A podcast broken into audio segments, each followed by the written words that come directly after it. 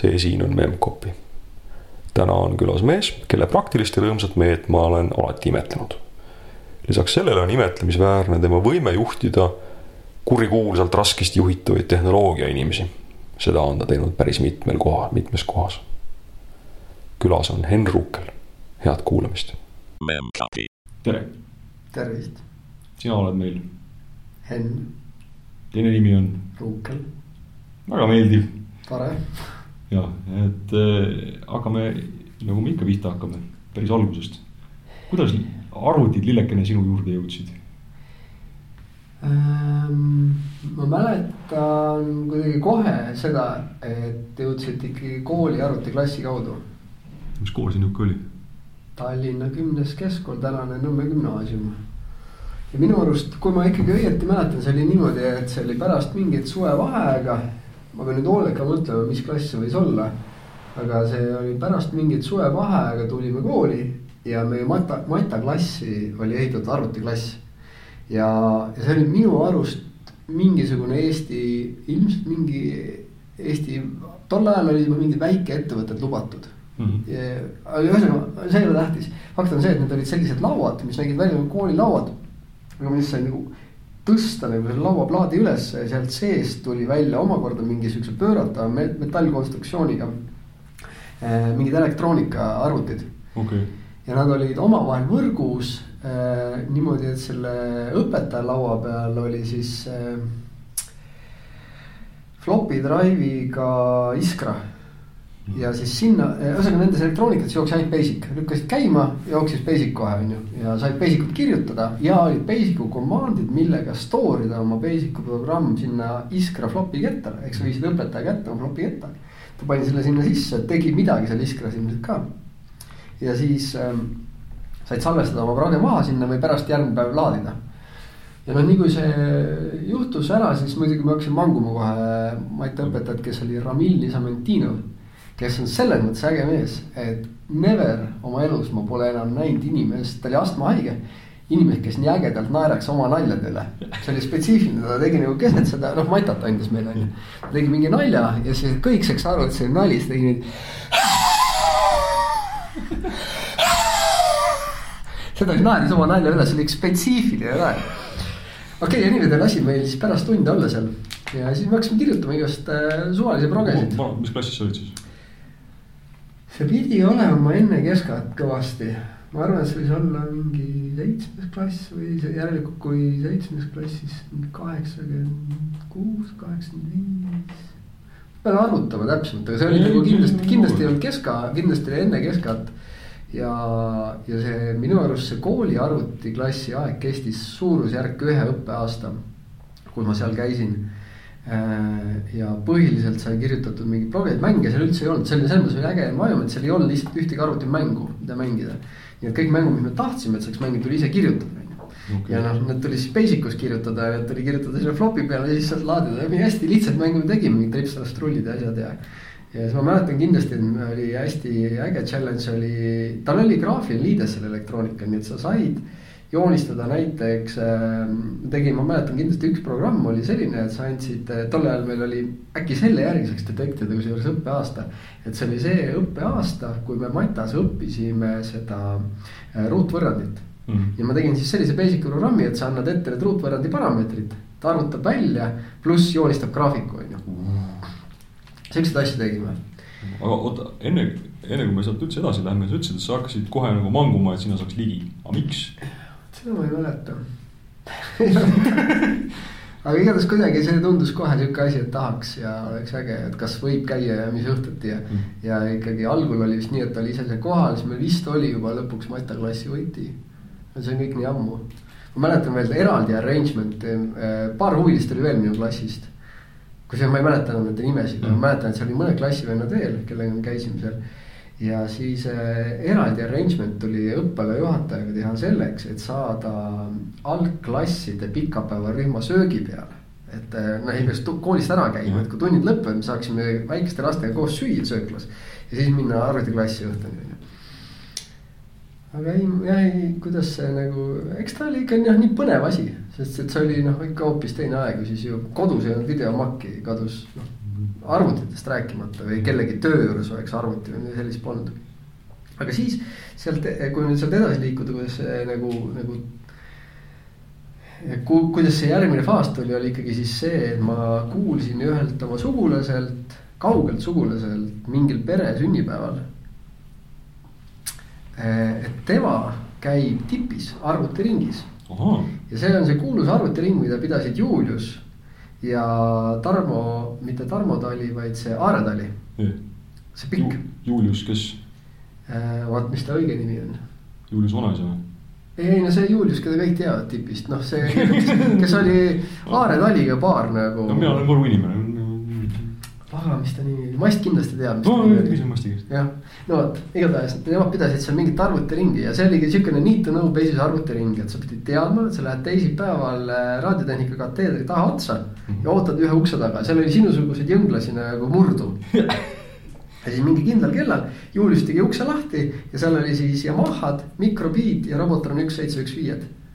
Äh, põhimõtteliselt kolmes reas, äh, keskel olid Microbeat, no nagu see laud siin mm -hmm. keskel.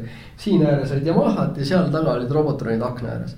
ja no see Yamahade peale käis tegelikult äh, see run sest kõik tahtsid Yamahadesse saada, sest Yamahades oli mängud on ju mm, -hmm. kihvtid mängud on ju ja siis siin keskel mikrobiid eriti ei huvitanud kedagi ja taga Robotronid olid ka nagu põnevad mina põhiliselt olin seal Robotronide peal, seal sai progeda, seal sai, ma mäletan, mingi kooli referaate teha. Ja Yamahadesse mina kunagi löögile ei saanud, aga no Yamahad olid kolmepoolist, kolme poole tolliste diskettidega juba mm.. see oli siis nagu järgmine level. see pidi olema ikkagi kaheksakümmend kaheksa aasta veel. kas see, see oligi nii, et uks tehti lahti ja siis ja. kes, kes, kes, kes istuma sai, see sai istuma, siis pandi uks kinni. ja midagi ära lõhkusid, siis oli selleks päevaks bänn.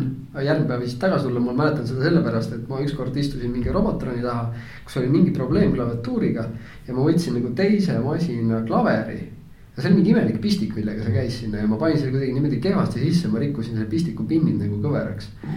ja siis tuli minna taha, noh, nemad ise istusid tagaruumis on ju ja, ja siis tuli minna öelda, et näed sihuke jama ja siis äh, ma ei mäleta isegi kumb neist tuli, kas Julius või. või Tali ja vaatas ja ütles, et okei okay,, tänaseks kõik on ju, tule järgmine teisipäev tagasi ja. ja, ja nad nagu hoidsid korda ja kõige parem, kuidas nad siis korda hoidsid, oli see, et seal alati oli algus ja lõpp ametlikult on ju, aga tegelikult lõpp sõltus sellest, mida nemad enam ei viitsinud olla, tahtsid koju minna on ju. sest noh, tegelikult nad olid mingid töötajad seal tipis on ju, seal kateedris. ja, ja ma ei tea, mida nad seal tagaruumis ise veel tegid, no ilmselt progesid või ma ei tea, mida aga ühesõnaga siis noh, meie olime jõnglased kõik seal, sihuke average. ma praegu mõtlen välja, et see pidi olema kaheksakümmend kaheksa aastasest, kaheksakümmend üheksa läks mu ema tööle diagnostikakeskus, millest ma pärast räägin. ja, ja sinna ma juba liikusin siis edasi, järelikult see pidi olema kaheksakümmend kaheksa ja kaheksakümmend kaheksa ma järelikult olin neliteist. kui ma seitsekümmend viis sündin. no noh, ma olen ka seitsekümmend viis sündinud. aga kui ma seitsekümmend viis sündis kaheksakümmend kaheksa, ma olin hoopis kolmteist. kõlab loogiliselt. jah, okei okay,, igatahes seal käisin, eh, seda tegime ja siis, ah seal, mis seal oli äge asi, oli toitekas. ühesõnaga jõnglased, arvutiruum on ju kõigil mingi jube põnev, kes mida teeb seal. kes progeb, on ju, kes mängib mänge, kes häkib mänge, on ju, et teha sinna mingisugused oma mingid tegelased sisse. ja noh, saad umbes kell kuus uksest sisse õhtul sinna ja see oli vist teisipäeviti, kui ma ei eksi mm ja siis vist ametlik lõpp oli ka, aga noh, see tegelikult keegi ei pidanud sellest kinni ja seal ei olnud üldse nagu selles mõttes, see arvutiring oli lihtsalt, mind ei pandud mitte kunagi kuskile kirja, keegi nagu noh, seal mingi, midagi ei toimu. organiseeritud tegevust. keegi ei õpetanud mitte midagi, on ju, et ise teed. ja siis Äh, no ühesõnaga ühel hetkel viskas alati üle ja siis nad tegid nii, et nad tegid selle tagant ukse lahti ja ütlesid, et viie mintsa pärast toitekas, see oli kõik, mis nad ütlesid. viie mintsa pärast toitekas ja see tähendas seda, et sul on viis mintsa aega, mis iganes sul pooleli ära salvestada. sest viie mintsa pärast, emb-kumb neist tuli, nad ei hakanud nende inglastega midagi vaidlema, nad jalutasid kilbi juurde, tõmbasid laksti pea kilbi välja lihtsalt. pime läks, on ju ja see oli signaal, et nüüd tuleb koju minna, on ju. mis asi see oli, sest et Võru esimeses keskkoolis oli täpselt sama skeem mm. -hmm see ja kedagi ei huvitanud see, mis selle arvutiga juhtus. täiesti ruthless nagu. ja arvutiga minu meelest ei juhtunud ka suurt midagi, sest mis oleks pidanud juhtuma. väga ei juhtunud, no aga eks ilmselt oli oht, et mingi selline nagu kirjutamine oli pooleli, siis ilmselt on mingi discorruption või asi või juhtuda, on ju, aga.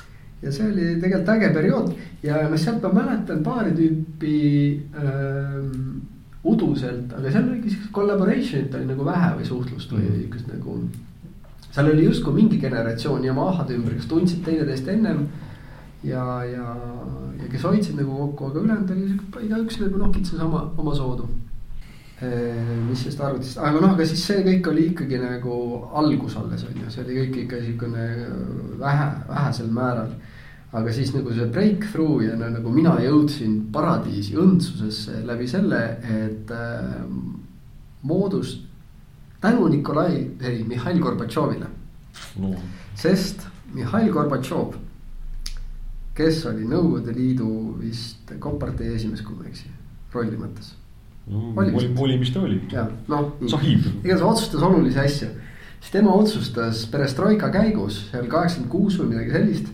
et meditsiiniga üle Nõukogude Liidu on üldiselt probleem, aga kõige suurem probleem Nõukogude meditsiinis on see et äh, pannakse valesid diagnoose või diagnoosi jaoks äh, nagu info või analüüsid on noh, ebatäpsed, valed või liiga aeglased mm. -hmm. tuleb investeerida infrastruktuuri, millega meditsiinipersonal saaks kiiremini teha ära olulised mõõtmised ja analüüsid. on see siis mingi südame EKG, on see vereanalüüs, on see siis mingi ähm, see magnetresonantstomograafia, siukseid asju, mis on täna põhimõtteliselt nagu külahaiglas olemas, on ju. Mhm. selliseid asju polnud olemas, on ju, ja, ja näiteks vereanalüüsi tegemine megakaua võttis aega, on ju, resultid tulid tagasi, olid ebatäpsed, kõik sihuke kraam.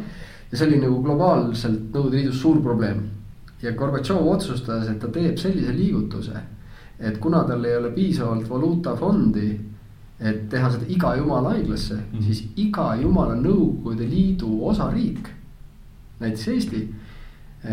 Igasse ühte pealinna pidi moodustatama selline asi nagu diagnostikakeskus. kuhu siis äh, investeeritakse valuutafondi, ostetakse välismaalt top-notch tehnika sisse -hmm. ja terve nagu vastava osariigi haigete mingid analüüsid või uuringud tehakse ühes kohas mm. -hmm a la sul on mingi kopsuhaigus, siis sind ravib jah, sinu arst on ju näiteks Mustamäe haiglas. aga Mustamäe haiglas ei ole nagu ressurssi osta mingeid kopsuanalüsaatoreid mm. -hmm. vaid need ostetakse ühte kohta, ühte ja tehakse eraldi facility selle, eraldi asutus on ju. no vot ja siis Eestisse pidi ka tulema sihuke ja mis seal oli nagu oluline, oli see, et esiteks tol ajal kehtis välismajanduse embargo Nõukogude Liidule. ehk äh, Nõukogude Liitu ei saanud sisse tuua äh, lääneriikide moodsat tehnoloogiat, except meditsiinitehnoloogia, see oli okei okay. ehk näiteks, mille pärast meil ei olnud PC-sid siin, oligi see, et embargo oli peal, on ju. Mhm. isegi kui mingid välkad oleks tahtnud müüa, isegi kui siin oleks kellelgi valuutafond ei olnud, tol ajal ei saanud osta selliseid asju. jah, ja siis hakati Tallinnasse moodustama seda Tallinna Diagnostikakeskust. Agu Kivilon nimeline mees vedas seda, tänaseks ta on kadunud Äh, siit ilmast.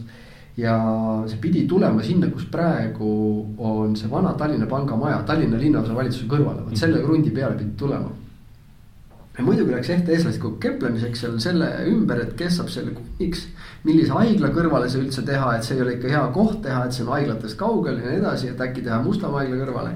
Kivil ütles, ma teen selle ise, ma teen eraldi asutusena, Mustamäe haigla ilmselt tahtis seda umbes enda allasutuseks ja ma neid detaile ei tea, sest ma olin kõik umbes neliteist tol ajal on ju, aga ma natuke tean sellepärast, et mina olin see mees, kes aitas Agu Kivilol teha kõiki PowerPoint'e, mis tal teha oli vaja.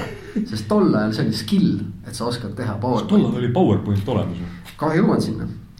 miks meil oli PowerPoint olemas, miks oli sihuke maagiline koht olemas nagu Tallinna Diagnostikakeskus, oligi siis see, et Eesti riigis selliseid asju nagu laserprinterid, PC-d, värvilised äh, kuvarid, selliseid asju polnud olemas, neid polnud nähtud arvutivõrgud, neid polnud olemas. okei okay,, arvutivõrke oli, aga need olid pigem need äh, CPM-ide arvutivõrgud ja sellised äh, noh, umbes Tehnikaülikoolis on ju või tipis tolles. nii, aga siis, kuna see oli meditsiiniasutus, kuna nad ostsid Soomest äh, medtehnikat siis oli olemas Soomes mingisugune OÜ, minu arust see oli Pekka OÜ. igatahes Pekka oli oluline nimi seal ja see oli reaalselt selle mingi omaniku eesnimi, aga seal võib-olla oli mingi sõna veel ja tema, ma saan aru, et ta oli põhimõtteliselt see vahendaja, vahendusfirma, kes vahendas nagu Soomest igast kopsuanalüsaatorid, need vereanalüsaatorid, siukse, siukest kama on ju siia sellesse. no seal ma kujutan ette, juriidiline skeem pidi ka suht keeruline olema, kuna see ju liikus mingite Moskva mingite valuutafondide kaudu. Anyway, aga kuna see kaup liikus, siis selle kauba raames tuua top-notch PC-sid polnud mingi probleem sest see nagu on paper, paistis kõik nagu medtehnika. kõik meditsiinitehnika jah. ja vist on odav ka võrreldes mingisuguse kuramuse veerandane saatele ja, ja, ja, asjadega, ta ju. no me ju magnetresonantstomograaf esimene on ju, ja selle, sellele omakorda back story või side story on see, seal juhtus sihuke asi, et Gorbatšov eraldas selle valuuta, see valuuta oli reaalselt olemas mm. -hmm seda ei suudetud ära kulutada, sest seal kulus lõputu aeg, calendar time kulus selle peale, et vaieldi, kuhu seda ehitada, aga see on tohutu, näiteks selle tomograafi jaoks on mingi maja vundament peab juba spetsiifiline mm. olema, sest see ei tohi olla värinaid vibratsioone. ja siis äh,, ühesõnaga sinna kulus aeg ja siis hakkas Nõukogude Liit lagunema juba ja see valuuta oli ikka veel kontol, on ju. Ja siis oli lihtsalt puht nagu reaalne probleem, kuidas see raha nagu kuhugi ära kulutada. enne kui see kaduma läheb, on ju. Mm. ja Kivilu tegeles sellega, ta tegi näiteks, see tomograaf saadigi Eestisse kätte, see on tänaseni olemas seal. kokkuvõttes ehitati sinna Magdalena kõrvale see mm., aga ta sai selle niimoodi kätte, et mingid, kas siis ma ei tea, see tarnijafirma või mingid vahefirmad, neid detaile ma ei tea. igatahes keegi sisuliselt sai prepayment'i, on ju. ja siis kunagi aastaid hiljem reaalselt tarnis selle Anyway, selle käigus tuli siis on ju ka arvuti, arvuteid on ju. ja noh, kujutad sa ette nüüd neljateistaastast või mis iganes vanuses poiss ma olin. ma elasin siis seal, kuidas mina sinna sattusin, oli see, mu ema läks sinna tööle, mu ema läks vereanalüüsaatori peale tööle sinna. ta on medtaustaga inimene, apteeker on ju. ja siis tema sisuliselt küsis Kivilult, et kas tema poeg võib siin arvutis käia äh, nagu umbes pärast kooli on ju, Kivi ütles, et las poiss käib, on ju. Mhm. ja seal oli siis, äh, seal ma sain kokku siis selle mehega, kelle nimi on Mart Palmas on ju mm. -hmm. kes põhimõtteliselt on Eesti IT-sse toonud mind ja Madis Kaalu. sest Madis Kaalu ta püüdis kuskilt tipikooli pealt kinni, kes oli sealt välja kukkumas, ütles, et kuule, tule nüüd panen sulle arvutite peale, on ju nii et noh, see Palmas hakkas õpetama mind seal edasi progema, ma ennem olin oma käe peal harjutanud seal juba. ja, ja siis ma käisin seal niimoodi pärast tunde. Palmas tegi seal? Tema oli tööl, sinna oli loodud diagnostikakeskuse arvutite hooldamiseks oli loodud väikeettevõtte screening. mis on siiamaani olemas, arvutifirma screening, Kalle Lotamais asutas.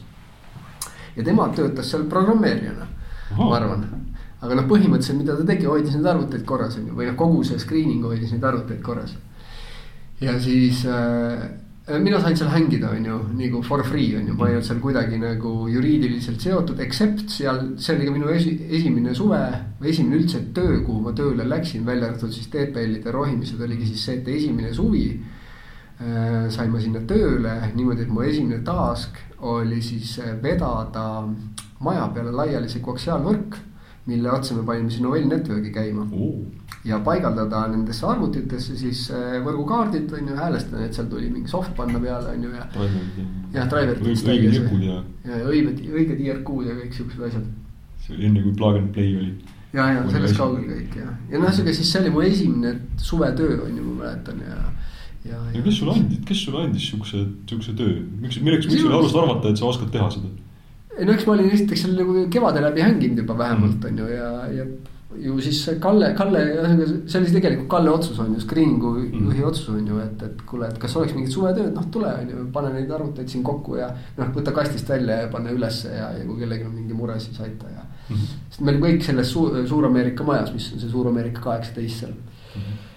ja, aga mis ma tahtsin rääkida lihtsalt sellest, et see kontekst, kus me viibisime üks oli see, et ma rääkisin varem, et meil olid PowerPointid ja laserprinterid, aga kujutad sa ette, et kui. ma kujutan ette, et tipikoolis tol ajal ma täpselt ei tea muidugi, aga ma arvan, et terves tipikoolis oli heal juhul suurusjärk kümme, kaheksakümmend, kaheksakümmend kuut ehk siis X-teed mm. -hmm. ja ilmselt mustvalge, äh, mustvalge selle äh, displeiga.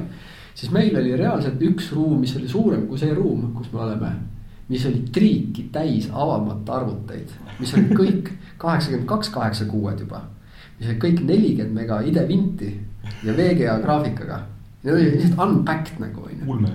nii et noh, kui näiteks äh, Mammers, ma ei tea, kas Mammersiga oled juba jõudnud. olen rääkinud. kui Mammers meile tööle tuli, siis unpack'is omale jah kaks tükki kohe see oli nagu, et ühe peal jooksis BBS on ju, teise peal tegi tööd, on ju. noh, mis iganes see töö siis oli, on ju, sest ega see paljuski see töö seal nagu tagantjärele, kui ma panen sellesse konteksti, mida tänapäeval tööks nimetatakse, siis seal tööd tegelikult ei olnud, on ju noh, selles mõttes, et see meditsiinipersonali arvuteid oli suurusjärk kümme, neid hooldas suurusjärk kümme ju.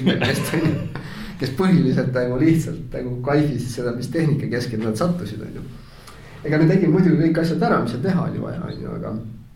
aga see oli see, kust nagu ma arvan, et mina sattusin nagu reaalselt sellisesse noh, niivõrd äh, viljastavasse keskkonda, sest mul olidki seal on ju Mammers, Palmas on ju, Hannu Kroosing astus korra nädalas läbi, on ju ja, ja, ja see oli ka koht, kus mina sain aru, et must ei saa progejat kunagi, sest ma mäletan nii hästi, kuidas ma nädal aega pusin millegi kallal. ja siis tuleb Hannu ja siis ma näitan talle seda nädal aja kirjutatud koodi, siis ta võtab paberilehe ja siia kirjutab kahe reaga sedasama koodi, on ju. siis on ju No, Tur. Turbo Sii oli siis juba on ju. jumal hoidku, võiks küll kellegagi võrrelda. jah, aga siis ma sain aru, on ju, milline on delta on ju ja no kuidagi siis no võib-olla see ei olnud võib-olla ainus põhjus, aga see oli üks koht, kus ma sain aru, et siin nagu talendi või skill'i vahe on ikka hüpersuur aga Annuga võrreldes on kelle iganes talendi vahe nagu väga suur, nii et. tõsi, tõsi. ja siis oligi tol ajal mul oli põhiline projekt, mille kallal ma töötasin ja millel oli ka üks user. oli siis selline programm, mille nimi oli C-Label. sel, sellel ma ostsin ka ametlikult kahekümne viie krooniga juba. Madis Kaalult selle graafilise, tal oli see Slack, Slim, midagi sellist, mingi library oli siuke, Mm. millega sa said juba menüü aknaid ja asju teha ja pop-up'e ja asju teha. kakskümmend viis, ma mäletan juba krooni maksin selle eest talle et mul oleks ametlik äh, lifetime litsents sellele ja siis äh, kirjutasin siukse programmi kui C-Label.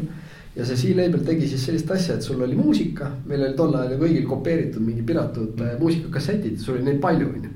Ja seda asja esiteks omale normaalset andmebaasi, et mis kasseti peal sul, mis lood on, mis bändid sul on, pluss sa tahtsid need välja trükkida sellisena, et sa saad nad fold ida ilusti ümber kasseti ja panna sinna papi alla, on ju, et vaatad äh, kõigepealt selle üle, ta trükkis kohe sellise paberi välja, et üleval serva peal oli näha, no mis on A poolel, mis on B poolel. ja siia selle suure külje peale trükkis A poole kõik laulud on ju, B poole kõik laulud selline pluss oli siis ka graafiline user liides, kus sa said seda brausida ja edida ja noh, printida on ju just minu esimene raha arvutitega teenitud oli täpselt samasuguse softiga. no vot, mul oli üks user, kelleks oli Toivo Annus. väga kasulik user oli, sest ta reaalselt kasutas seda ja siis tegi bugireporte mulle kogu aeg, aga onju, kuidas sa Toivoga kokku said? video kaudu. okei okay., nii et ma, ma ilmselt upload isin selle kuskile BBS-i ja videos promosin, et mul on sihuke asi ja. ja siis Toivo hakkas kasutama ja hakkas siis käima mul külas ja rääkima, mis ei tööta, mis töötab ja ma arvan, et tema oli kuusteist, ma olin neliteist umbes. Ühesõnaga sa siis juba siis seal diagnostikakeskuses sukeldusid kohe Fido maailma või? ja seal oli, ma ei mäleta, millal meil selline video tekkis, aga see video oli seal juba olemas. no mingist hetkest, ma isegi ei mäleta, kumb oli ennem, et äh, ilmselt oli nii, et ma ikkagi algul läksin, siis see polnud siis millalgi tekkis sinna, aga ma täpselt sündmuste ahelat enam ei mäleta. aga seal oli video juba täitsa meil nagu bread and butter ja BBS-id ka on ju. et äh, Mardil oli, on ju oma nõud, noh muidugi Maversil Mambox pluss veel on ju see nii et, et seal me kõik juba istusime, istusime videos ka ja, ja sealt noh, siis oligi esimene BB Summer tuli ka sealt juba on ju, siis see pidi see olema järelikult äkki see oli sama esimene suvi või järgmine suvi, kui oli esimene BB Summer, kuhu me läksime veel ju sellesama diagnostikakeskusel. lisaks kõigele muule oli ka humanitaarabina Rootsis saadud täiesti töökorras Volvo peale ehitatud kiirabi. aga kuna seal diagnostikakeskus polnud midagi sellega teha, siis Mart sõitis ringi sellega on ju aga seal oli kõik op-, operatiivauto load olemas, vilkurid peal, täismänge, taga oli kanderaam ja noh, pane inimene sisse. ja sellega ma mäletan, BB Summeri jaoks me käisime, mina, Mammers, Kaido Kärner äkki käisime veel toomas Sakust õlut. Saku õlletehasest sellega oli hea suur, sellega jäi vedada. sest see esimene BB Summer orgunniti seal Vääna selles ähm, mitte Vääna jahiloss, vaid see on, me just Mastiga nädalavahetusel rääkisime, sest need kaks eri asja, üks on Vääna jahiloss ja teine on see Tugamanni veski. vot seal toimus esimene BB Summer ja mina veel läksin mopeediga sinna lõpuks kohale, aga Orgunni käigus ma mäletan, me sõitsime, tassisime seda õlut, sest noh, see oli vot siukene juba siukene üleminekuaeg, kus noh, poes polnud midagi saada, et. ma ei mäleta, kelle tutvuste kaudu kuidagi saadi siis Sakuga kokkuleppele, et sealt sai osta. see, oli see kord, kui Mast rääkis, kuidas oli õlut villitud fan- Fanta kankudesse. Õllel oli apelsini maitsem on. täitsa võimalik jah, et kuna mina olin selles vanuses, mina õlut ei joonud siis on ju, ma olin noh neliteist või mis iganes mm, -hmm. ma, ma selles mõttes, et seda ei oska kommenteerida. aga ma mäletan, et event oli kihvt, see esimene BB Summer ja ma mäletan, et see esimene BB Summer oli ka koht, kus mina esimest korda kuulsin asjast nimega internet ja asjast nimega emaili aadress sest seal pidas ühe loengu Tartu Füüsika Instituudis oli ka mingi klaster, mingi, mingi kamp. B või B algusega mingisugune, seal oli lausa mingi perekond äh, itikaid, aga ma ei mäleta, mis need nimed olid. vot igatahes keegi nendest pidas ettekande ja ta oli tolleks ajaks käima pannud juba Fidoneti ja interneti vahelise gateway meili jaoks Okei. nii et põhimõtteliselt kõigil Fido inimestel oli sel ajal ja sisuliselt Effectively kohe ka mul oli ähm, sihukene emaili aadress. mis siis sisuliselt, ma ei mäleta, mis see tagumine ots oli, domeenid ja asjad. Aga sisuliselt see ülejäänud ots moodustus, mis node'i küljes olid ja kes sa olid. nii et, et äh, teoreetiliselt sai saata mulle emaili ja mina sain saata välja. Aga ma ei mäleta, ma seda praktikas kasutanud oleks, ma mäletan, mul oli siis isegi kuskil ümbrik või selle märkmikas üles kirjutatud, mis mu emaili aadress on, aga noh, selle polnud kellelegi saata meili see on ju see ühe esimese faksi omaniku probleem., just aga seal järelikult siis seal BB Summeril oli siukene hariduslik või noh, niisugune sisuline sisu ka. ja, ja seal oli ikka väga, väga palju loenguid selles mõttes või Okei. okay. nagu knowledge sharing ut minu noh, mina neljateistaastasena mm. just oli väga äge, ma mäletan Martini.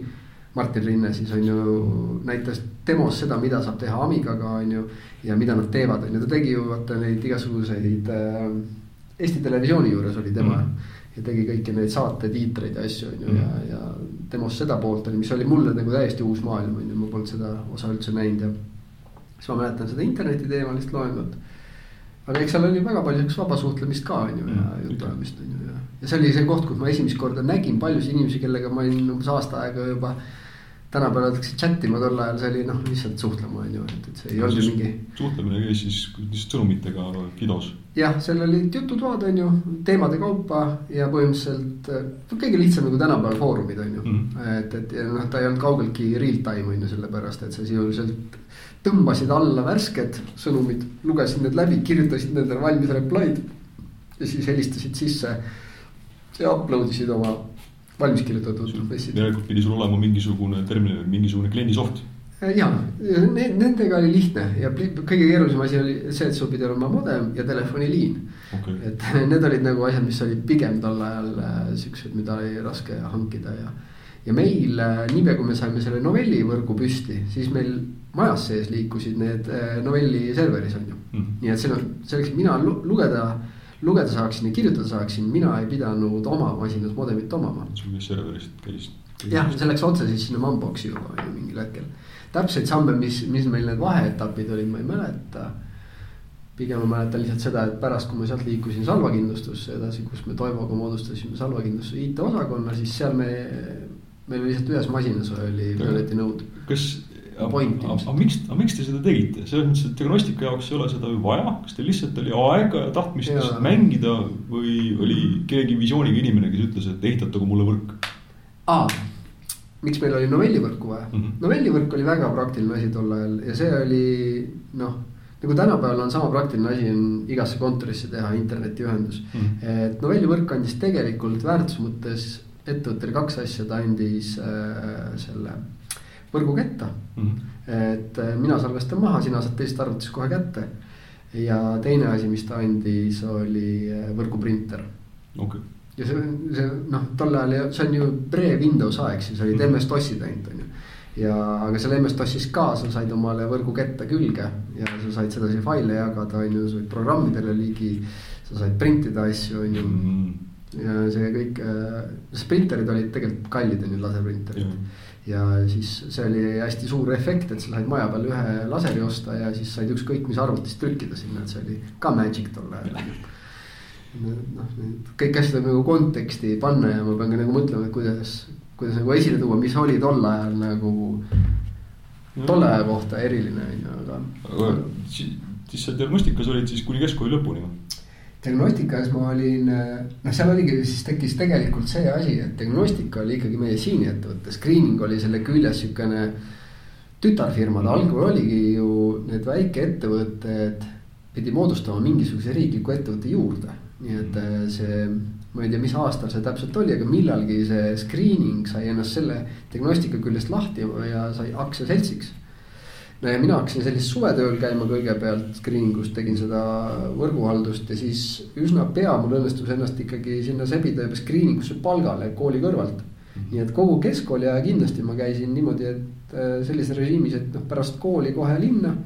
Screening usse ja, ja siis meil oli juba rohkem kliente, mitte ainult diagnostika, vaid erinevaid meditsiiniettevõtteid, kellel põhi, põhiäri meil oli ikkagi äh, arvutivõrk äh, on see siis mingi haigla või näiteks haigekassa arvutivõrgu vedamine, ma mäletan, oli üks, üks minu töid. ta oli tol ajal seal, kus on praegu see Prantsuse Lütseumi algkool, see hoone, ma mäletan seda sellepärast hästi. et arvutivõrgu vedamine tänapäeval noh, keegi ei laseks esiteks sedasi vedada, sest seda vedeti pinna peale lihtsalt. tõmbasid kaablit, lõid plambreid lihtsalt seina peale ja tänapäeval see tunduks robustne. teiseks töövahenditeks oli haamer, plambrid, kaabel ja midagi, mis meenutab kaugelt vaates trelli. Aga tänapäeval keegi ilmselt ei kavatseks ühtegi auku puurida, mina pidin sellega kõik augu puurima. Ja noh, puure seal otsas oli ka üks, mis meenutas puuri ja sellega tuli suvalisest materjalist läbi minna, see toimus sellise nühkimismeetodil. kas see puuri diameeter oli suurem kui kaabli diameeter? jah, see oli vähemalt hea on ju. aga põhimõtteliselt ainuke lootustandev koht, kust õnnestus läbi minna, kuna puuri pikkus ei olnud väga pikk, oli ikkagi uksepiidad on ju. nii et see põhimõtteliselt ja kuna vaata see koaksiaalkaabel on ju sihuke, et see peab läbi kogu maja põhimõtteliselt moodustama pideva luubi on ju et saab alata kuskil, lõppeda kuskil, aga ta ei saa katkeda ega teda ei saa olla mitu. nii et sa pidid nagu mõtlema, et, et mul on nendesse tubadesse kõigisse arvutivõrku vaja, et kuidas see ahel nagu teha, on ju, sa pidid terve toa läbi jalutama, uuesti temaga välja minema sealt on ju. ja, ja noh, loomulikult siis, kui ta kuskil katki läks, oli kogu võrk maas, on ju, sellepärast et ta äh, ta ei ole nagu see Twisteperi võrk, kus mm. nagu mingist huubist või switch'ist läheb see asi siis nagu seadmeni kogu moos on ju okei okay,, ühesõnaga see Skring, seal ma käisin umbes palgatööl, siis me ühel hetkel kolisime ära sealt Suur-Ameerikast juba Skring sai nii-öelda oma ruumid ja olime Estonia puiesteel pikalt. minu arust ikkagi peaaegu kogu keskaja me olime Estonia puiesteel juba. seal, kus äh, praegu on Mati mobiiliäri ja põhimõtteliselt selle Estonia teatri vastas kohe. selles majas ja seal, äh, see oli äge ka aeg. Aaslaid elas kontoris tal oli nii korter ka kuskil, aga ma ei tea, mis iganes põhjusest ta viitsinud seal käia. et seal mina ka siis tulin koolist on ju, tiksusin viimase bussini seal.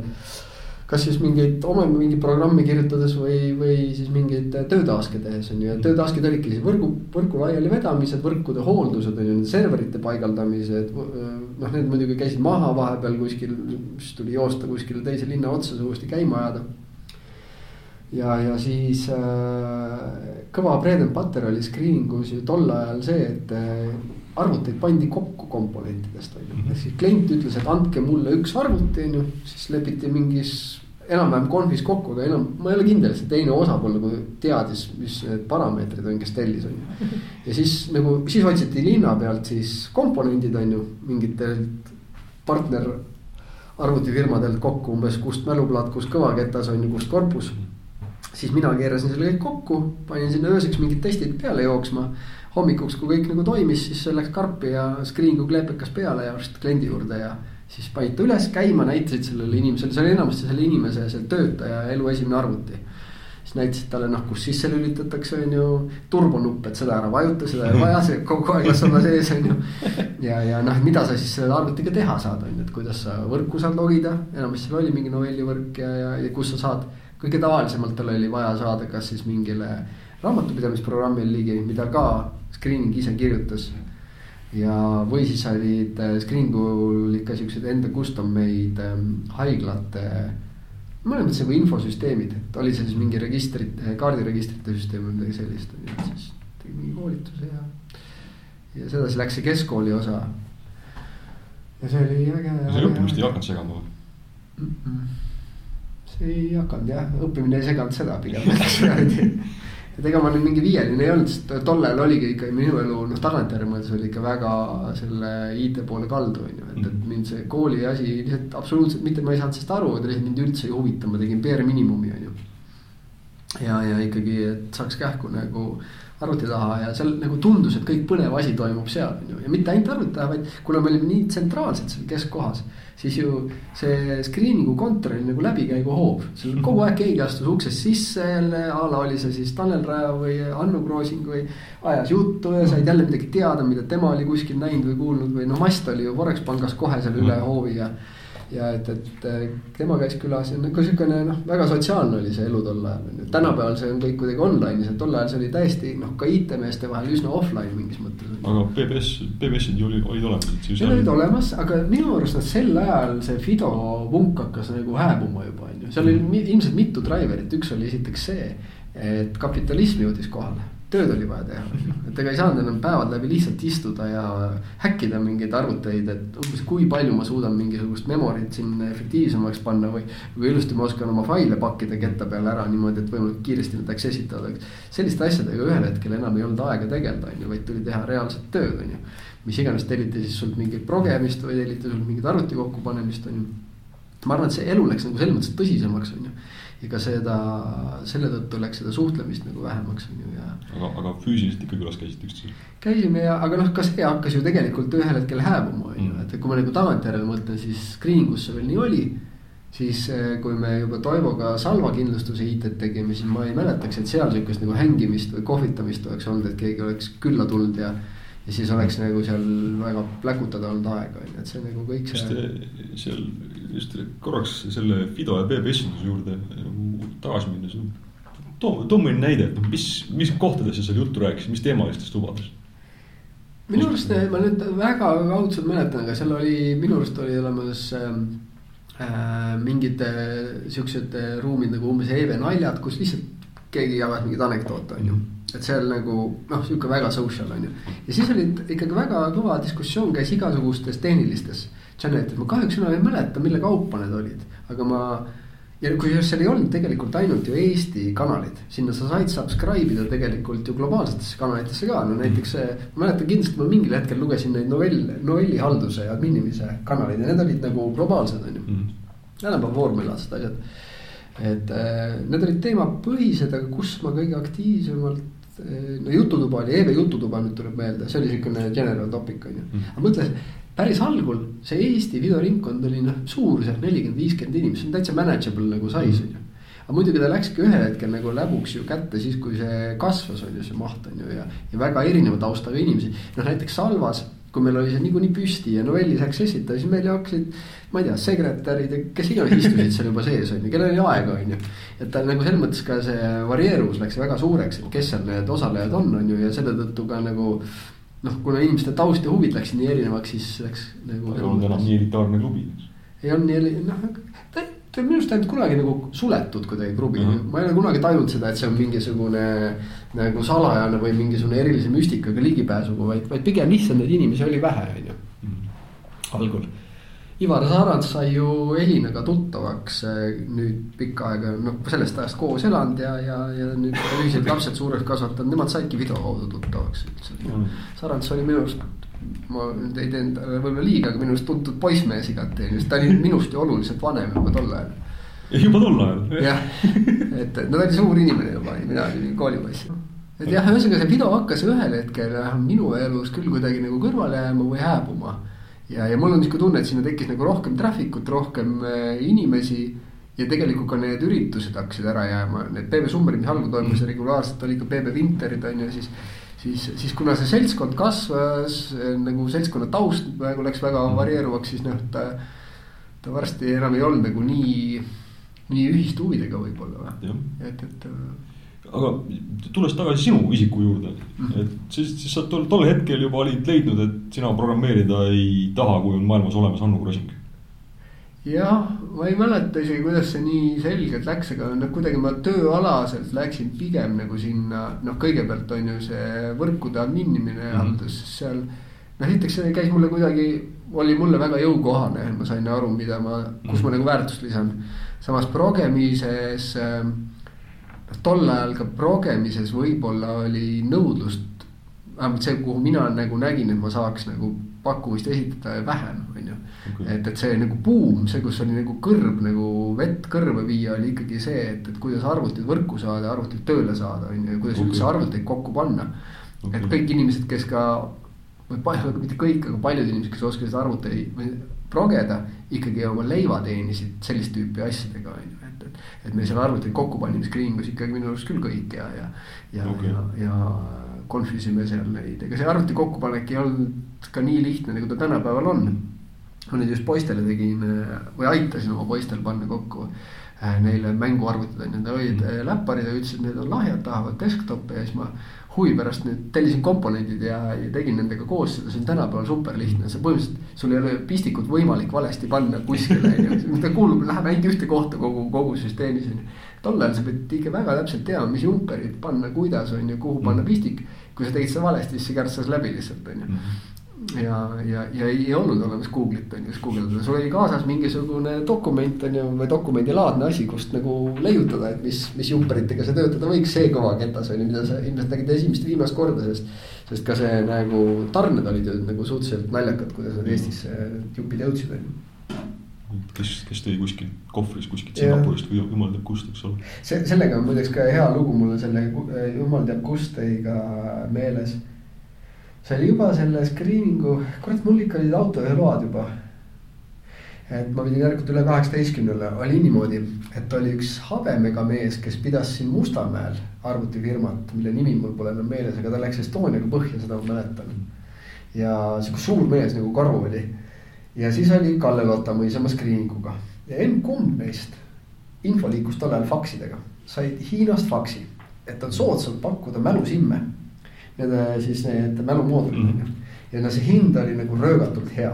siis nad kahe peale, seal oli mingi miinimumorder on ju. kahe peale ja ilmselt kuskilt veel raha laenates ajasid selle raha kokku, tegid selle ülekande ära. see pappkast jõudis kohale, jõudis tolli ja ma mäletan seda sellepärast hästi, et meie Palmasega käisime järel selles tollilaos ja kurb oli siis pilt, kui selle pappkasti tegid lahti, seal sees oli ainult vahtplast.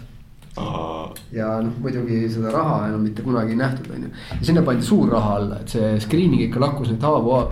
noh, ma ei tea, peab Kalle käest küsima, kui kaua täpselt, aga, aga kindlasti rohkem kui kuu on ju, pigem aasta, ma arvan. ja samas, kui see oleks olnud legit asi, siis see oleks olnud nagu muidugi vinge marginaal kohe, on ju. et see oli väga sihuke cowboy times nagu selles mõttes. no aga ilmselt inimesed õppisid ruttu. jah, või siis veelisid, veelisid ruttu on jah, ju. no siis sai jälle muud asja teha aga kuidagi jäi kõrva, et sa ütlesid, et, et sulle tundus, et sa lisad niimoodi rohkem väärtust. kas sa tõesti mõtlesid juba tol ajal sellest, et kus sa saad nagu kasulik olla või? võib-olla lihtsalt see, et, et vaata, mis sul nagu välja kukub, on ju, Mhm. ja mulle tol ajal juba tundus, et mul kukub hästi välja see tehnoloogia ja, ja inimeste vahel äh, selleks liimiks olemine, on ju. et Okei. et no ma lähen selle inimese juurde, kes kunagi pole ühtegi arvutit näinud Mhm. ma panen, pakin talle selle lahti. Panen talle selle tööle ja näitan, kuidas see käib, on ju, ja mul, Mhm. ma olin nagu kõrvust tõstetud sellest, et ma sain talle kasulik olla, on ju. et Ah. äh, ja siis tema sai oma tööd hakata nüüd tegema hoopis teistmoodi kui varem. sul ei olnud mitte abstraktne klient kuskil tont teab kus, vaid konkreetne inimene, kellel läks nägu särama, et ta sai oma raamatupidamisega nagu korda. Ja seal hakkas ka tulema see esimene siukene kakskümmend neli seitse kogemus selles mõttes ju, et. et no need serverid, okei okay,, öösiti olid enamasti õnneks küll kasutatud, aga. aga noh, neid kasutati, need olid tegelikult ju ärikriitilised on ju, kui nad läksid Mhm. maha, siis tuli väga kiiresti kohale jõuda, väga kiiresti need tööle saada, pluss siis selle. väga vihase kliendiga tegeleda, on ju, ja talle seletada, mis siis juhtus, ega nende jaoks need olid mingid maagilised kastid nurgas on ju, et kuidas sa seda siis ka nagu inimarusaadavas keeles seletad, mis juhtus ja miks sa arvad, et seda uuesti ei juhtu ja miks, ja miks see sinu süü ei ole? ja miks see minu süü ei ole või siis, et, mis, miks ma arvan, et nagu tõenäosus, et see kohe nüüd uuesti juhtuks, on väiksem, on ju, ja noh. eks seal oli tihti mingeid rauaprobleeme, on ju, voolukõikumisi, on ju. miljon asja, ma enam täpselt, täpselt isegi ei mäleta No. mis seal oli, on ju, aga. see kõik käis ju tati teibiga tol ajal kokku. kellel, kellel oli serveri ruum? ei, ei sellist asja polnud olemas see oli liiga moodne aeg, see või moodne sõna selle aja kohta, aga need muidugi tekkisid millalgi, on ju, aga tol ajal ei olnud see, ikka valiti lihtsalt, kus oleks siukene noh, puhas ruum, on ju. et seal nagu otseselt vett ei tilguks ja veeavarii tõenäosus oleks väiksem. Need oli tihti mingi raamatupidaja kabinet või mingi sihuke, kus see kõige loogilisem koht panna oli. ja siis sa läksid äh, Salvasse. jah, sealt ma siis sattusin juba Salvasse ja see oli see hetk, kus juba Mast oli Forexis, ma veel mäletan hästi seda, et. Vist Toivo kutsus mind Salvasse ja, ja Madisega oli ka juttu, et äkki minna Forex panka. ja, ja ma ei mäleta isegi, mis põhjusel see oli nii, et, et igatahes sai Toivo kasuks otsustatud ja Salvas oli lihtne, seal oli. niimoodi, et Toivo ise käis ülikoolis, temal polnud aega sellega full time tegeleda ja ta otsis kedagi, kes oleks full time päeval kohal kontoris, on ju. Mhm. seal oli juba midagi arvutivõrgust olemas, aga kogu see ettevõte kasvas ka kiiresti, nii et seal oli vaja esiteks noh, neid tööjaamasid hooldada, võrku hooldada. ja, ja, ja siis inimesi support ida, on ju.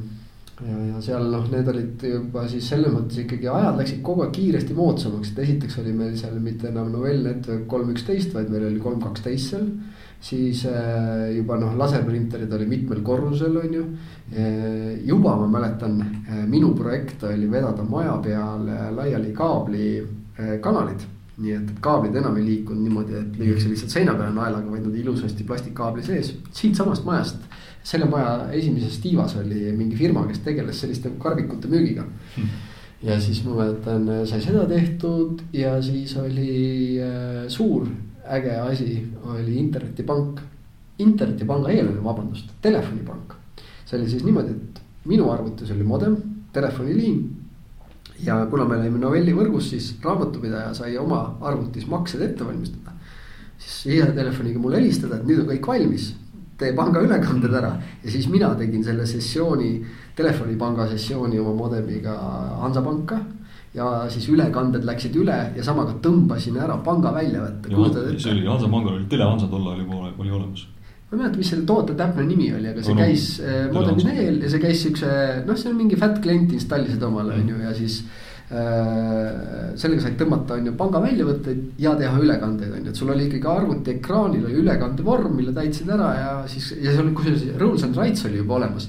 nii et näiteks noh, minul ei olnud see, mina sain teha üle ähm, pangasessioone aga mina ei saanud teha ülekandeid, on ju. aga, aga tõenäoliselt see fail ei olnud kuidagimoodi krüptitud, nii et kui sa oleks tahtnud kanda raha kuhugi mujale, siis ilmselt mõningase vaevaga oleks saanud seda teha. seda ma kusjuures peast isegi ei mäleta, kui kõva see security seal oli, aga ma, mul on nagu see awareness olemas, et seal ikkagi esimesed jäljed juba siuksest rules and rights'ist olid, on ju, selle peale natuke juba mõelda.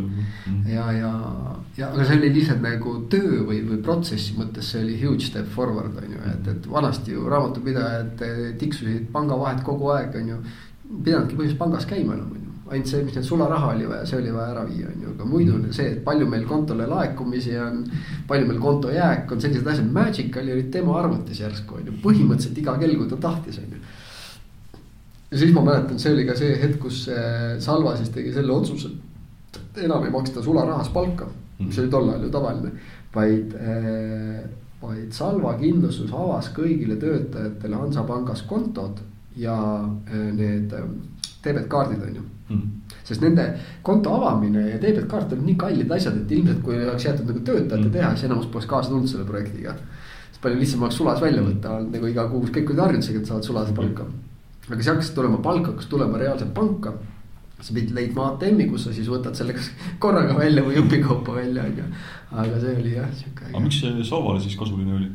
lihtsalt, et saaks selle sularahaga mässamisest vabaks, on ju, et mm. kõik oleks äh, clean im on ju, ega selle sularahaga noh, ei olnud ka ilmselt eriti raamatul, ma arvan, et kellelegi ei meeldinud tegeleda sellega. aga kas Salva siis see peamine äriprotsess äh, jooksis mille peal?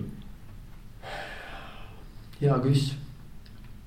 Selles on udusem mälestus, minu arust meil oli mingi Inglismaa. jah, meil oli mingi naljakas Inglismaalt ostetud programm selleks, millega see käis, äkki see oli nime ei mäleta enam. küll ma mäletan seda, et me käisime veel Tõnu Laagiga kahekesi Soomes. mingis Lõuna-Soome kindlustusseltsis vaatamas nende infosüsteemi, plaaniga see osta, aga see ost jäi kokkuvõttes katki. aga seda käiku ma sinna mäletan. Ja veel noh, jälle nagu ajastu näitena oli see, et, et Toivo ei saanud sinna kaasa tulla sellepärast, et temal ei olnud välispassi. minul oli välispass. mis sul välispass oli? vot miks mul välispass oli, seda ma ei mäleta, ma vist kuskil äkki spordi pärast võistlemas käinud ja selle tõttu saanud selle või mm.. see pidi olema vist ikkagi veel Vene passiga. või sai see olla Eesti pass, või oli mul äkki siis viisa ja Toival polnud, mingi põhjus Toivo ei mm. saanud tulla igatahes. Nagu just paberite tõttu ja mina sain minna ja siis ma Tõnu kahekesi käisin Tiiburiga, ah see kõik suva jutt tegelikult aga seal noh, noh, see oli ikka siukene proper äh, infosüsteemi moodi asi. oot, oot, oot, oot, ärme nüüd sealt nagu üle lähe, sa tegid juba sporti ka või? tegema sel ajal enam just pigem ei teinud sporti, ma olin teinud sporti kooli ajal orienteerumist mm ja siis, kui ma tulin IT-sse, siis jäi see katki okay.. nii et, et äh, sisuliselt ma vahetasin ikkagi selle spordi IT vastu. Kinda selle Nõukogude Liidu lagunemisega, kinda selle tõttu, et tulid arvutid, on ju. sest äh, ikkagi see orienteerumine oli väga tugevalt äh, finantseeritud meil Saue Sovhoosi poolt on ju, Sovhoos ära kadus siis minu jaoks pigem oli see, et IT tuli varem sisse, on ju, aga see tegelikult see treeninggrupp vajus ka laiali. aga sa teed ju praegu ka.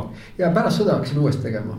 pärast sõjaväge pärast sõjaväge. ja, ja sõjaväkke sattusin äh, aastaid hiljem, siis kui ma olin juba väga vana. ja selle tõttu, et noh, ma algul ikkagi olin ülikoolis ja tol ajal ülikool vabastas või pikendas. Aga noh, siis, siis oli vaja ikka nii palju tööl käia, et siis ei jõudnud ülikoolis käia, siis lõpuks kukkusin ülikoolist välja. siis jõudsin veel mõnda aega olla niimoodi, et ei sattunud sõjaväkke, aga siis lõpuks ikkagi läks asi tõsiseks, tuli ära käia. saadi kammturja. mis sa seal ülikoolis õppisid? Eh, vist oli infosüsteemid, ma arvan, oli tipis jah ja siis sa olid Salvas veel jätkuvalt? Salva, Salva kõrvalt jah mm -hmm., see oligi nii, et keska lõppedes mul oli sellest koolist ja õppimisest töö kõrvalt nii suur tüdimus peal, et ma olin endale lubanud, et ma kõigepealt teen aasta aega nüüd rahuks ainult tööd ja siis läksin uuesti, ma jätsin aastase nagu vaheaasta ja siis läksin tippi.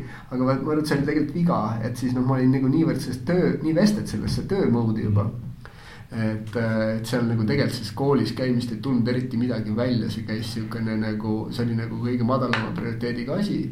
Ja pigem käis sihuke kummi venitamine, kuni lõpuks sealt ikkagi eks matt mingi kahe või kolme aastaga tuli. kumb läks katki tol hetkel, kindlas kohas? pärast sõjaväge ma tegin muidugi EBS-is ära omal baka, et siis oli see, kui EBS tegi omale info, IT-juhtimise eriala no see oli muidugi kahe tuhandendatel juba. ja siis mina olin esimeses lennus seal äh, Alek Koslov ja, ja see kamp ja, ja tegime täitsa omale proper viieaastase siukse. Viieaastase magistri või selle viieaastase baka veel kusjuures, nii et okay. noh, nüüd on kolmene baka on ju. see oli ka tegelikult väga kihvt, aga noh, see on juba teine, teine ajalugu hoopis, et see oli.. mis sa pärast Salvat tegid? sa olid? Salvas sattusin sinna kohta, kus ma nüüd saan uhkustada, et töötasin koos Eesti Vabariigi presidendiga. ehk et äh, jälle äh, sugulase tõttu, see sugulane rääkis mulle, et kuule. Et üks firma, kes tegeleb sidesüsteemidega, otsib inimest, et kas tahaksid rääkida. ja mina, et noh, miks ka mitte, ma olin siis Salvas, ma ei mäleta, mitu aastat olnud juba, aga ikka on mingi aja. ja, ja siis sain kokku mehega, kelle nimi oli Rene Maksimovski nii, kes on siis tänane presidendi abikaasa, kes oli siis sellise ettevõtte omanik, kes pani üles Eestisse Siemensi telefoni keskjaamasid. okei. ja sihtgrupp oli siis põhimõtteliselt suured ettevõtted, pangad, riigiasutused. noh, see, see oli nagu järgmine next phase selles mõttes, et kui personaalarvutid olid raamatupidamise osakondades olemas, siis vot see aeg, see oli siis aastate mingi üheksakümmend viis vist või. see oli see aeg, kus oli sidet vaja Mhm. oli lihtsalt vaja võimalust helistada nii majas sees kui välismaale, nii et ei krõbiseks ja saaks kaugekõnesid teha. ja see, see, kuidas me tol ajal seda Siemensi telefoni keskjaamasid paigaldasime ja, ja, ja, ja, ja, ja hooldasime, no see oli samamoodi siukene vee viimine kõrbesse, sellepärast et noh, täna polegi neid lauatelefone enam õieti kellelegi tarvis, mobiiltelefonid teevad asja ära Mhm. aga see oli veel enne mobiiltelefonide aegne aeg ja, ja lihtsalt see, et sul oleks igal inimesel laual telefon, millega ta saab helistada maja piires või majast välja ja majast väljas saab talle otse laua peale ja helistada. jagada mingit väikest hulka telefoniliine, jumal hoidku. Et see, see kõik nagu, see oli vinge etapp, aga noh, ta oli, ta oli IT-st kaugemal, ta oli telekomi maailm on ju ja sealt ma sattusingi tegelikult edasi Haaberstist edasi juba Uninetti, siis tegime ära selle. seal ma tegin kaasa selle aja, kui Uninet tuli telefonivõrgu turule Mhm. selle telefoni keskjaama paigaldus siia Eestisse ja sealt omakorda siis helises, helises siis Skype'i on ju. aga oota, räägi, räägi seda, et, et kui ma su juttu kuulan, siis see on niisugune. pigem niisugune nagu kaabli vedamise ja kruvide keeramise nagu töö ja amet. samas. võib-olla jääb sihuke mulje siis jah. aga samas, kui ma sind nagu viima-, nii kaua kui mina sind tean, sa pigem tegeled niisuguste nagu kas inimeste vedamisega või innustamisega või, või pigem on sul nagu töösubjekt on nagu inimene, kui, kui otseselt äh, see kaabel. millal hetkel, mis hetkel sul see nagu vahe äh, toimus ja kas sa üldse näed, et see on, see vahe on toimunud? nojah, selles mõttes, et see, noh selline kaabli vedamine oli see jah, kus see karjäär alguse sai. sellega tuleb muideks veel üks hea lugu meelde, kuidas me vedasime stomatoloogia polikliinikus, mis on Tõnismäel arvutivõrku laiali. legendaarse Andrus Aaslaiuga. Ja räägin lihtsalt selle loo ära. Vahet ei ole, kas sa paned selle podcast'i või mitte, see lugu on lihtsalt nii hea, kui see meelde tuleb alati. okei okay,, kujutad ette mingisugune õhtune aeg, noh ikka neid tuli öösel vedada, sest et äh, kliente ei oleks ja maja oleks tühi mingi õhtune aeg ja mingid pikad, megapikad koridorid, mida mööda on selle koksiga vaja minna, siis on ju kuskile teise otsa ja siis on see veneaegne ripplagi on ju, see, mis on põhimõtteliselt for granted, et nii kui seda lahti võtad, seda tagasi enam kokku ei saa. nii kui selle paneeli üles lükkad, ta enam tagasi ei tule, on ju. järelikult sa oled motiveeritud või võimalikult harva teda lahti võtma, et seda lage nagu mitte väga koledaks teha. ja siis me paigaldasime seda sellise meetodiga, et noh, meil oli seal mingi tooli moodi asi, no ilmselt umbes sihuke nagu mille peal ma praegu istun ja siis, et äh, tõstad selle paneeli ära ja siis oli ju meil kuskil mingi nöörikera või lõngakera olime saanud, siis viskad selle lihtsalt nii kaugele kui saad nagu sinna. ja siis teed sealt lahti on ju, siis selle nööriga sikutad oma selle kaabli järgi. see on siis nagu pre-story sellele, et tekib esimene koht, kus on vaja selle tooli peale mingi, kogu selle protsessi esimest korda on vaja ronida tooli peale. ja aaslaid ütleb automaatselt ilma mõtlemata, roni sina, sul käivad jalast ära kujuta ette ja ma olen siiani mõtelnud, et mis oli tema kingade juures nii eripäralist või mis oli tema sokkides nii eripäralist, et ta ei saanud neid jalast ära võtta. aga jah, et see võib-olla jätab mulje, tegelikult on see ikkagi väga nagu see periood kuni selle Haaberstini oli sügavalt ikkagi arvutitega ja arvutivõrkudega ennekõike seotud. ja siis kogu see Haabersti ja Unineti periood ka nagu kaablitööd ma tegelikult ei oska üldse hästi, on ju, et see oli mhm. pigem ikkagi siis keskjaamade progemine on ju ja. Ja, ja noh, kui need olid valmis progetud ja töötasid, siis nende, nende laiendamine on ju, või siis äh, mingid veasituatsioonid on ju, seal oli ka hästi siukene kakskümmend neli seitse on ju, et et, et ikkagi, kui mingi Jõhvi politsei äh, selle, mis seal politseipiirkonna või mis iganes side maha läheb ja seal piirkonnas üks või kaks ei tööta, siis on päris suur probleem. see on päris jama jah aga ikkagi urgitsegi edasi, et. aga ah, inimeste juurde, et kuidas seal. just. No see, see algas seal Haaberstis selles mõttes, et, et seal nagu see organisatsioon kasvades nagu ühel hetkel oli vaja formaliseerida ja siis. ma isegi ei mäleta, kuidas, aga keegi ilmselt tegi mulle siis selles osas ettepaneku, et ma võiksin hakata teisi insenere juhtima, on ju, ma kasvasin sisuliselt tiimist välja tiimijuhiks, on ju. selleks tehn-, meil oli tehnikaosakond, see ametlik nimetus on tehnikaosakonna üheks põhimõtteliselt see on kindlasti niisugune murdepunkt on see, kus sa võtad vastutuse mitte ainult enda töö eest, vaid sa võtad vastutuse teiste inimeste töö eest, on ju. ja sealt selles mõttes on olnud see karjäär paraku peaaegu edasi kogu aeg, kas siis toote juhtimine, projekti juhtimine või inimeste juhtimine või nende segu. miks ütled paraku? tihemini noh, et alati oleks ilus minna tagasi selle spetsialisti liistude juurde, kus ma saaks vastutada ja, ja teha, no lihtsam kõvasti. okei okay kõvasti lihtsam. aga miks sa pole läinud siis? Pole julgenud vist või pole, ma ei, ei tea, pean mõtlema.